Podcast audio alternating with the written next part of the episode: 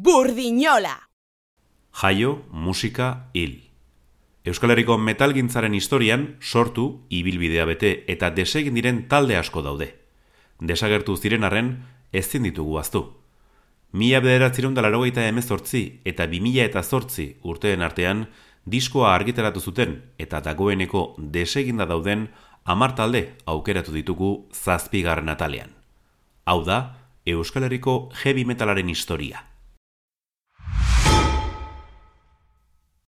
Bilboko detrasten traste da berreskuratuko dugun lehen banda. Larogeita amaikan jaiozen laukote moduan, baina iruko gisa egin zuten aurrera. Gaztelania zabesturiko heavy metala jotzen zuten hasieran, naiz eta pixkanaka proposamena gogortu heavy thrash doinuetarantz. Aurreneko bi abestiak deustuko gazte lokalaren lan elkar banatu batean jaso zituzten. Bi maketa grabatu ostean, larogeita emezortzian, iropen luzeko disko bakarra argitaratu zuten. Homenaje a la mentira. Aipaturiko joera aldaketa islatzen duen lana da. 2000 garren urtean, ibialdiko abestia grabatu zuten, besteak beste, urtz, idibihotz eta nora ezean taldetako kideen kolaborazioarekin. Urte hartan bertan, desegin eta bikidek La Reserva rock banda osatu zuten. Detrasten traste, nazidos sin voz.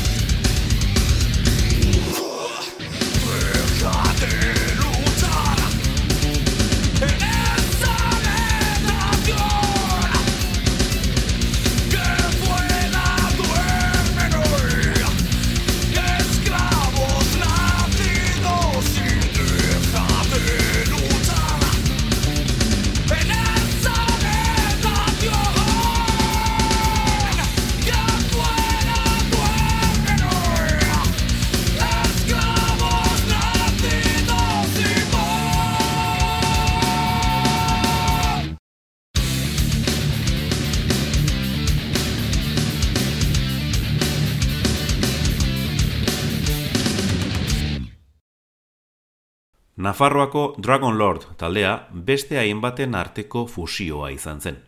Larogeita emezortzian, indarrak batzea erabaki zuten Excalibur, Walkiria eta Bram Stoker heavy metal bandetan ibilitako hainbat musikarik.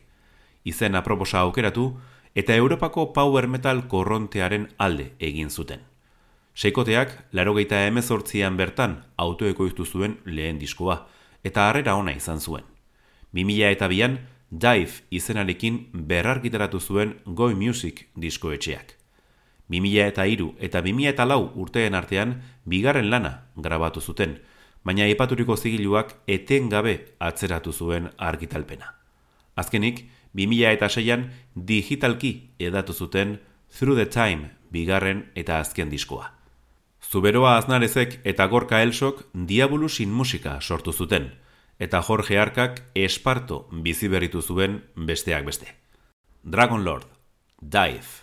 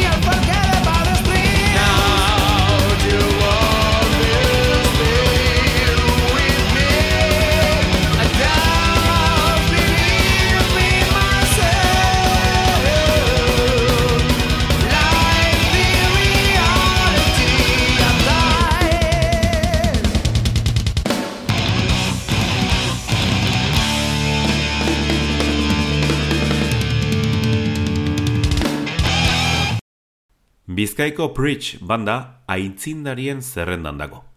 Gurean metal progresiboa jorratu duten lehenak dira, ziuranik. Larogeita amarreko amarkadaren erdialdean elkartu ziren Preacher of Dreams izenarekin, baina nabarmen laburtu zuten preach izatera pasatzeko. Dokumentazio askorik ez dagoen arren, esan genezake maketa bat, disko bat eta lan labur bat kaleratu zituztela larogeita amabostetik bimila garren urtera bitarte. Hain zuzen ere, larogeita emezortziko 13 Weeps diskoa da esanguratsuena, oi hartzun pixka bat lortu zuena. Ez dakigu zehazki noiz utzi zuten, baina Jose Prieto kasta taldekideak musikagintzan jarraitzen du Neriba taldearekin. Preach questions.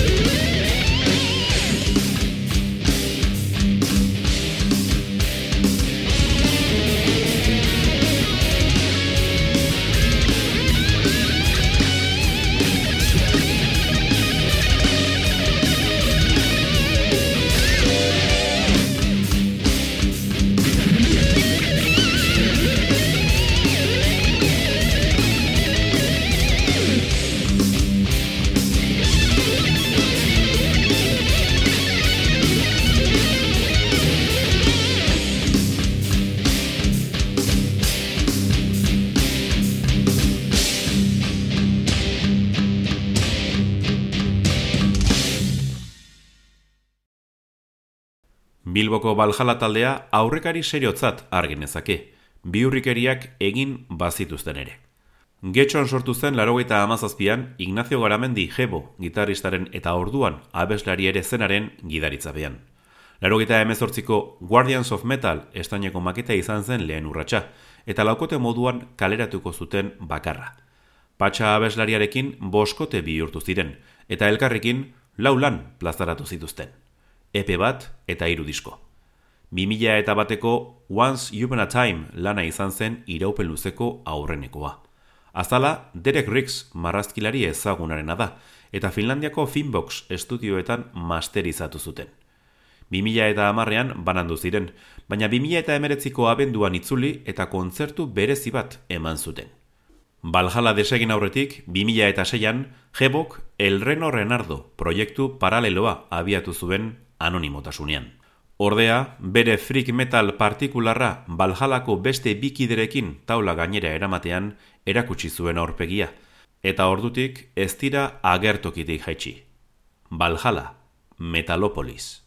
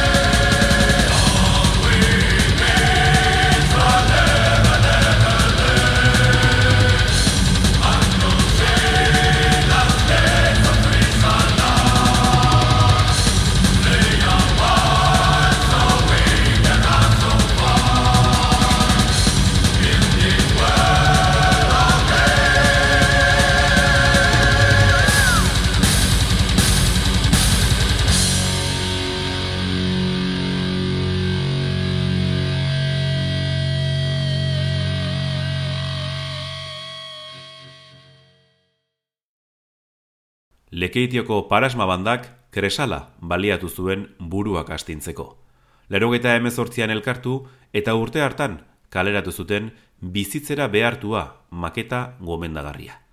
Thrash death metaletik groove metal zein thrashcore doinuetara evoluzionatu zuten. Horren eredu dira 2000 eta bateko bandaren izenbereko lehen diskoa eta 2000 eta iruko ekaitzi gabeko bakerik bigarrena. Manatu ostean, toki bateria jotzaileak beste hainbat proiektutan parte hartu zuen. Iazko abuztuan, emanaldi berezi bat emateko elkartu ziren. Parasma, herri zaharren mendekua.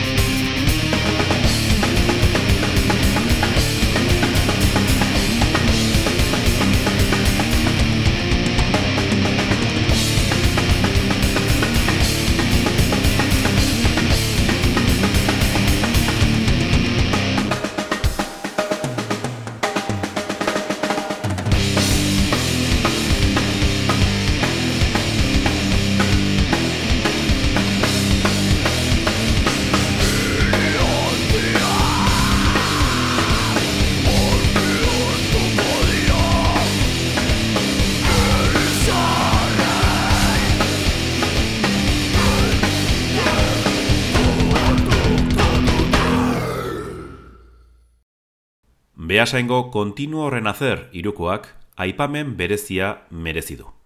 Euskal Herrian death metal progresibo instrumentala jorratzen aitzindariak izan ziren. Arkaitz Karrasko kako basu jotzaileak, Javi Gutierrez gitaristak eta Imanola Izpuru bateria jotzaileak egonkortu zuten taldea. Ez usteko pozgarria izan zen, 2000 eta bostean plazaratu zuten lehen dabiziko diskoa. Aldiz, urte batzuk behar izan zituzten, 2000 eta amaikako The Great Escape bigarren eta azken lana ateratzeko. Tamalez, aizpuru eta gutierrez, dagoeneko ez daude gure artean, baina euren ekarpena nabarmendu behar dugu. Gugan beude.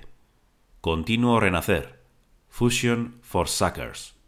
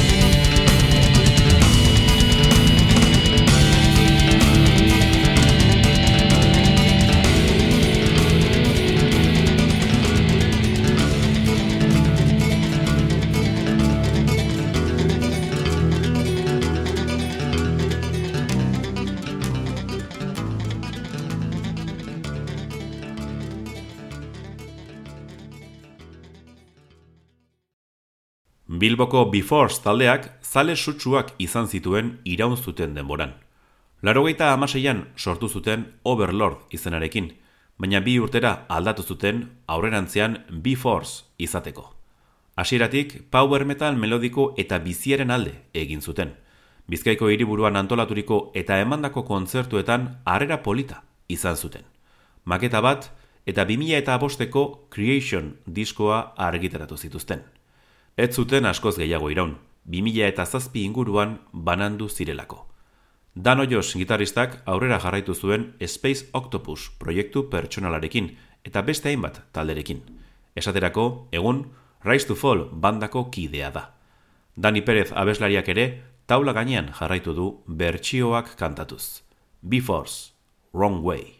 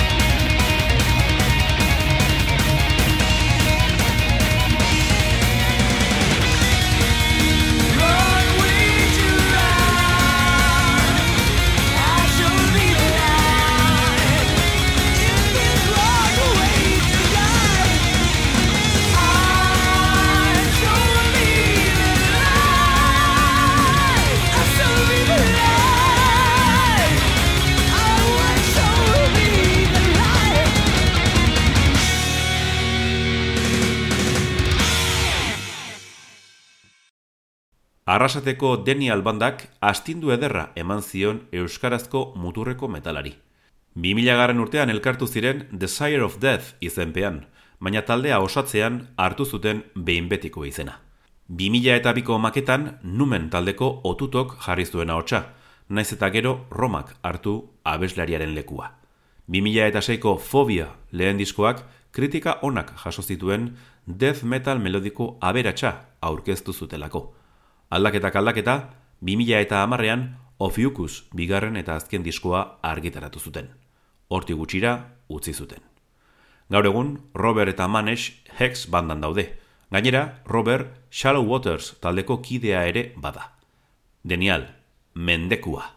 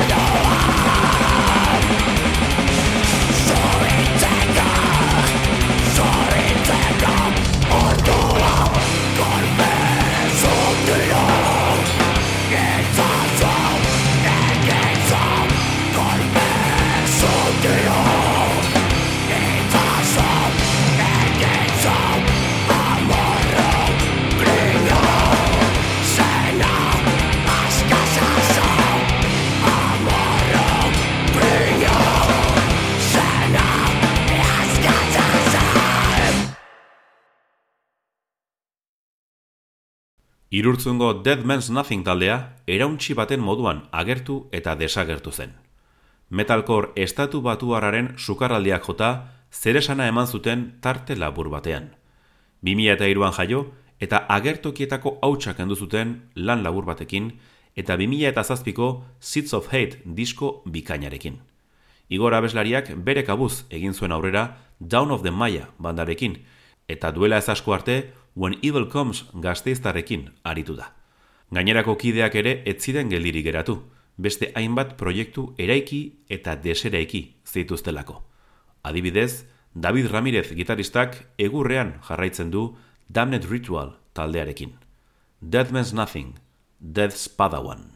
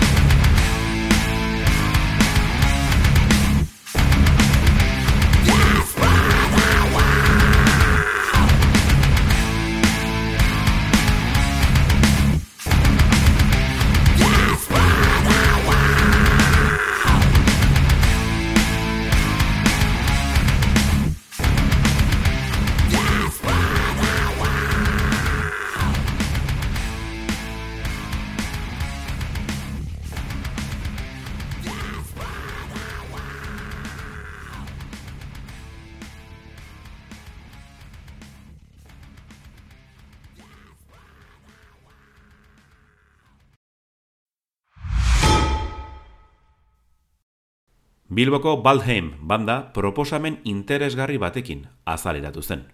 Larogeita emeretzian hasi ziren ibiltzen, eta gustuko zituzten osagaiak josten.